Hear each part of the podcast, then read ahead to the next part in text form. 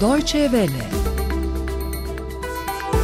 Alman basını Türkiye ile Yunanistan arasındaki gerginlik, Rusya'nın koronavirüse karşı ilk aşıyı tescil etmesi ve Kuzey Akım 2 boru hattı projesinin geleceği 12 Ağustos 2020 tarihli Alman gazetelerinde öne çıkan yorum konularını oluşturuyor.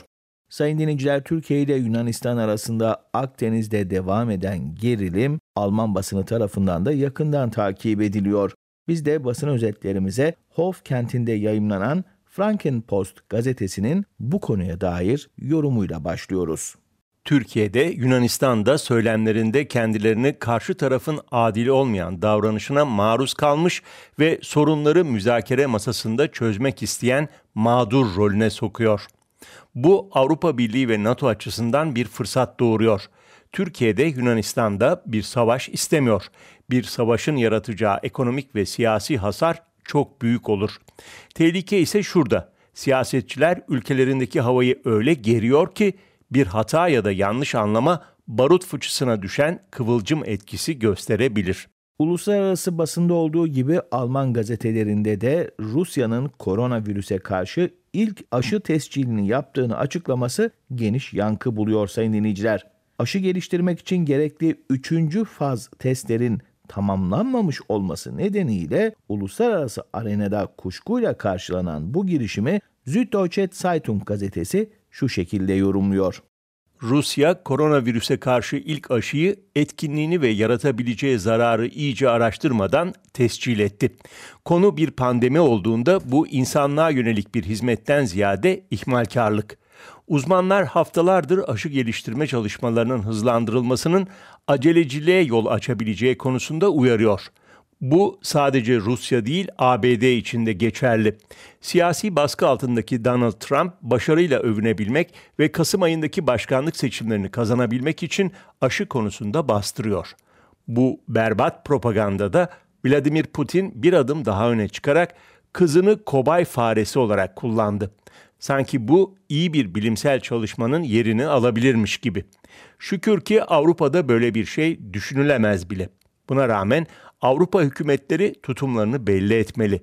Çünkü diğer ülkelerde Rusya örneğini takip edebilir ve daha da fazla insanı tehlikeye atabilir. Yine ulusal çapta yayın yapan bir başka gazete olan Frankfurter Allgemeine Zeitung'un aynı konudaki yorumunda ise şu satırları okuyoruz. Putin'in sözde aşı tescilinin arkasında yatan insanlar üzerinde öngörülen devasa bir deney.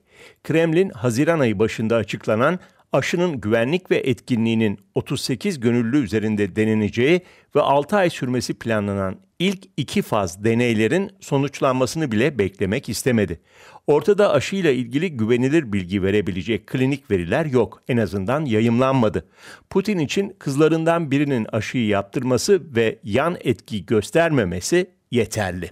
Sayın dinleyiciler, Federal Almanya Dışişleri Bakanı Heiko Maas, Rus mevkidaşı Sergey Lavrov'la görüşmesi sonrasında düzenlenen ortak basın toplantısında Kuzey Akım 2 doğal gaz boru hattı konusunda Amerika Birleşik Devletleri'ne sert mesajlar verdi. Maas, enerjide Rusya'ya bağımlılığı artıracağı gerekçesiyle projeye karşı çıkan ve Avrupalı şirketlere yaptırım tehdidinde bulunan Amerikan yönetimine enerjiyi nereden alacağımıza biz karar veririz mesajı gönderdi.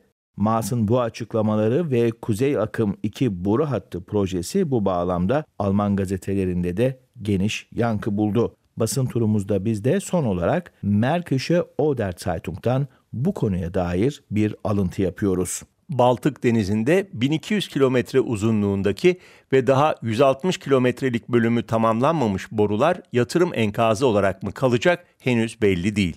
ABD'nin hedefi ne pahasına olursa olsun buymuş gibi görünüyor. Güya Avrupa Rusya'ya bağımlı hale gelecekmiş. Böyle bir endişenin dayanağı bulunmadığını konudan anlayan herkes biliyor. Asıl konu Amerikalıların Avrupa'yı kendi sıvı gazını satıp ciro elde edebileceği bir pazar haline getirmek istemesi. 5G şebekesi konusunda Çinli Huawei firması gibi kuzey akımda geleceğin dünyasının uyarıcı bir habercisi. Avrupa ABD, Rusya ve Çin'in çıkarları arasında öğütülme tehlikesiyle karşı karşıya. Avrupa Birliği bu kaderden sadece kararlı ve kendi ayakları üstünde duran bir aktör olarak kurtulabilir.